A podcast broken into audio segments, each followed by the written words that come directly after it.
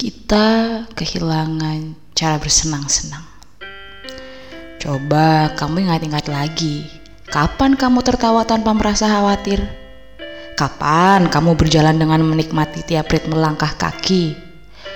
Kapan kamu terakhir kali bangun dengan semangat karena inilah waktunya melakukan sesuatu? Setiap orang memandangku sebagai sosok yang kuat.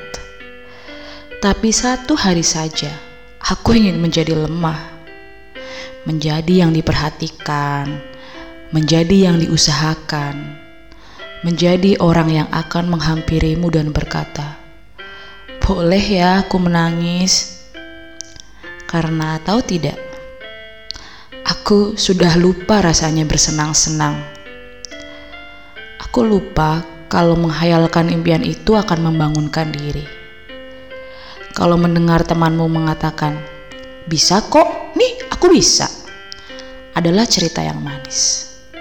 Kalau melihat seseorang menyampaikan prestasinya, adalah sebuah pemandangan yang indah.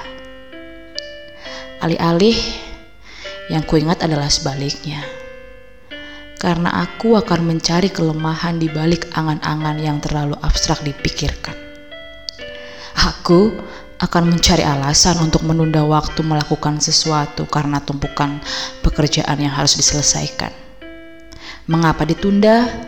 Gak pengen ngerjain? Gak bisa.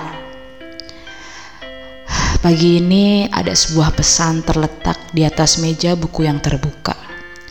Di halaman 55. Dia menginginkan kita melihat melalui matanya manusia lebih melihat kekurangan dalam hidup dibandingkan nilainya di mata Tuhan.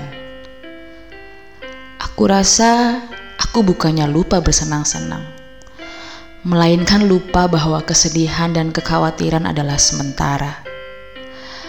Ada Tuhan yang bisa dipercaya, dan hidupku dalam genggamnya.